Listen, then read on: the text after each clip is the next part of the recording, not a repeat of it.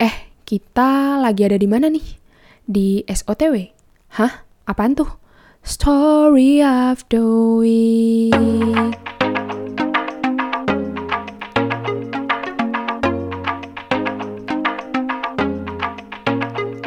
Hai hai semuanya, selamat datang kembali di Winter waktunya berinteraksi. Dan kali ini kita lagi ada di segmen SOTW alias Story of the Week di mana kita bakalan berbagi cerita entah itu dari podcasternya atau dari sobat Winter yang mungkin aja kisah itu merupakan cerita inspiratif untuk kita semua.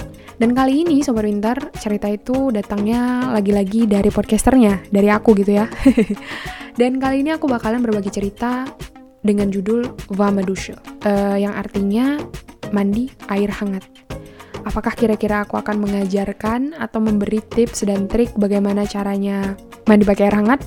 Nope. Kalau penasaran, langsung aja. Here we go!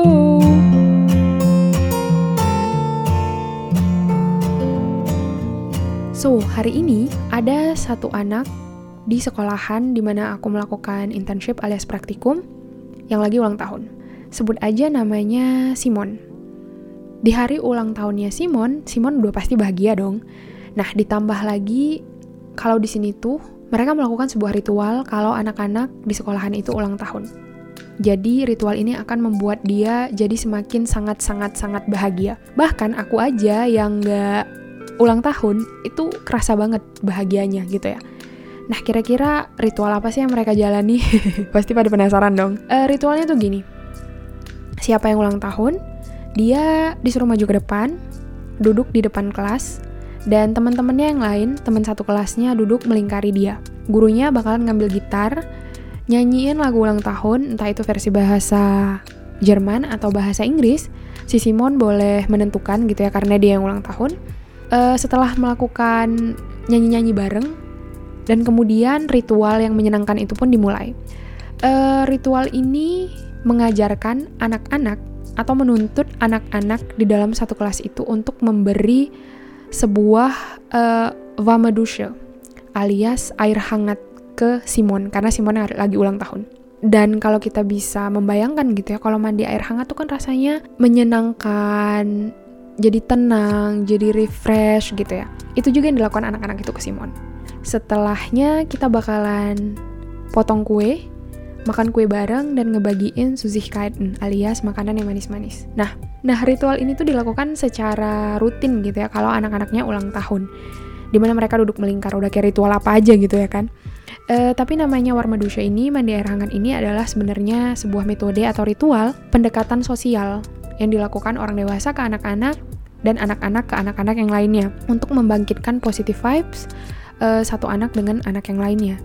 Dan pasti bertanya-tanya gitu kan, ini sebenarnya apa sih? Kenapa sih setelah melakukan ritual ini Simon jadi bahagia? nah, ritualnya itu anak-anak dituntut untuk memberi komplimen atau apresiasi, pujian ke yang lagi ulang tahun. Terlihat gampang, tapi impactnya luar biasa sobat winter sekalian Bayangin aja kalau kamu lagi ulang tahun, duduk di tengah kelas, jadi attentionnya orang-orang, terus kamu dikasih warma dusha. Bunyinya warma dusha itu gini.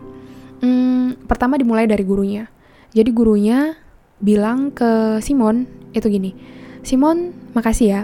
Aku bahagia karena kamu berada di kelas ini. Kamu itu anak yang pintar, anak yang suka menolong orang lain, dan kamu anak yang jago matematika. Aku beruntung kamu berada di kelas aku. Yang kayak, just siapa sih yang gak meleleh kalau dengerin pujian seperti itu gitu. Nah itu dari gurunya. Kalau anak-anaknya sendiri alias teman-temannya Simon dituntut untuk objektif gitu loh. Berpikir kira-kira apa sih kehangatan yang cocok disiram ke Simon gitu ya. Kita mulai dari A. A bilang gini, Simon makasih ya udah mau selalu main bola sama aku.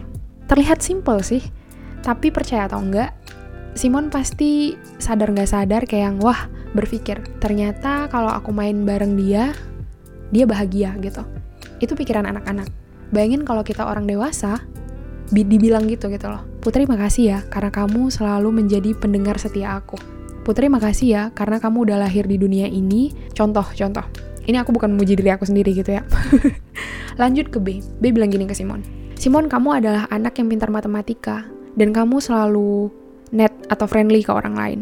Atau, Simon aku bangga sama kamu karena kamu selalu dapat nilai bagus di pelajaran bahasa Jerman. Atau, Simon, kamu selalu pakai baju bagus dan jaket kamu yang warna hijau bagus. Ya namanya juga anak-anak ya. Mereka berpikir apa yang uh, gampang kelewat di pikiran mereka tentang si Simon gitu. Sadar atau enggak, mereka itu udah diajarkan mengapresiasi orang lain dari kecil. Dan bayangin gimana bahagianya Simon, bangganya Simon dengan dirinya sendiri.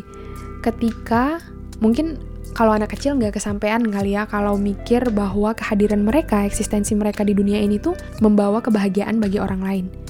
Atau at least hidup mereka itu berharga untuk orang-orang yang ada di sekitarnya gitu.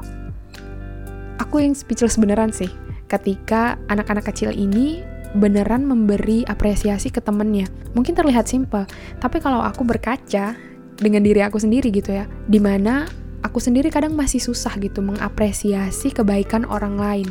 Dan sejak saat itu, aku mulai belajar mengapresiasi orang lain. Contohnya ya dengan hal-hal kecil, contoh uh, makasih ya karena kamu udah nolong aku makasih ya kamu udah mau dengerin curhatan aku eh kamu tahu nggak sih kalau kamu pakai baju itu tuh bagus banget kamu tahu nggak sih kalau kacamata yang kamu pakai itu pas banget ke kamu gitu karena dari lingkungan sosial aku yang dulu-dulu itu dan yang aku kenal, orang-orang itu lebih sering mengungkapkan sesuatu yang buruk dari orang lain, bukan sesuatu yang baik.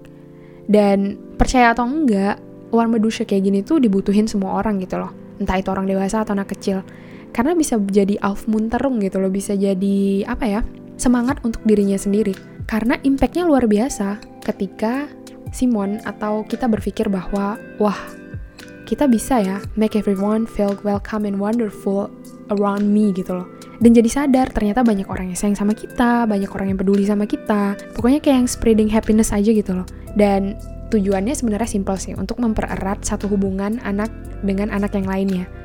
Tapi impactnya luar biasa menurut aku mungkin dari cerita ini kita bisa belajar, at least aku gitu ya, belajar untuk menghargai, mengapresiasi sesuatu yang baik dari orang-orang yang ada di sekitar aku. Karena hal yang paling susah mungkin diungkapkan itu adalah perasaan sayang atau cinta kita ke teman-teman kita, ke orang tua kita gitu ya, karena nggak terbiasa dari kecil gitu loh.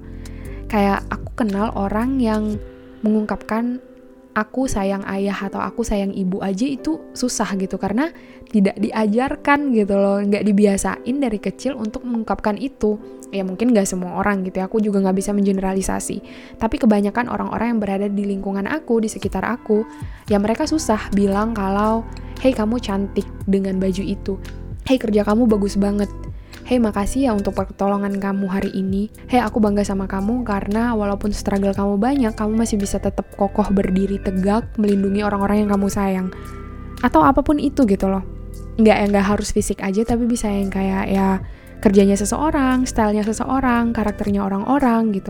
Yang pada akhirnya bakalan membuat kita lebih bisa belajar menghargai orang lain dan dan memungkinkan kita mungkin untuk spreading our happiness gitu loh Nah, kalau Sobat Winter gimana nih? Apakah Sobat Winter tipe orang yang gampang mengapresiasi orang lain atau malah susah?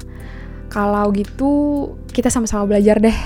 Semoga story of the week kali ini bermanfaat bagi Sobat Winter. Dan kalau Sobat Winter berpikir bisa nge-share kebahagiaannya Sobat Winter ke orang lain, pasti Sobat Winter juga bisa nge-share podcast ini ke teman-temannya Sobat Winter kalau podcast ini bermanfaat untuk Sobat Winter. Dan aku mau bilang kalau aku bangga banget sama Sobat Winter karena Sobat Winter selalu kuat sampai hari ini dan selalu mengusahakan yang terbaik. Terima kasih udah dengerin podcast ini sampai habis. Sampai ketemu di Story of the Week berikutnya. Bye Sobat Winter.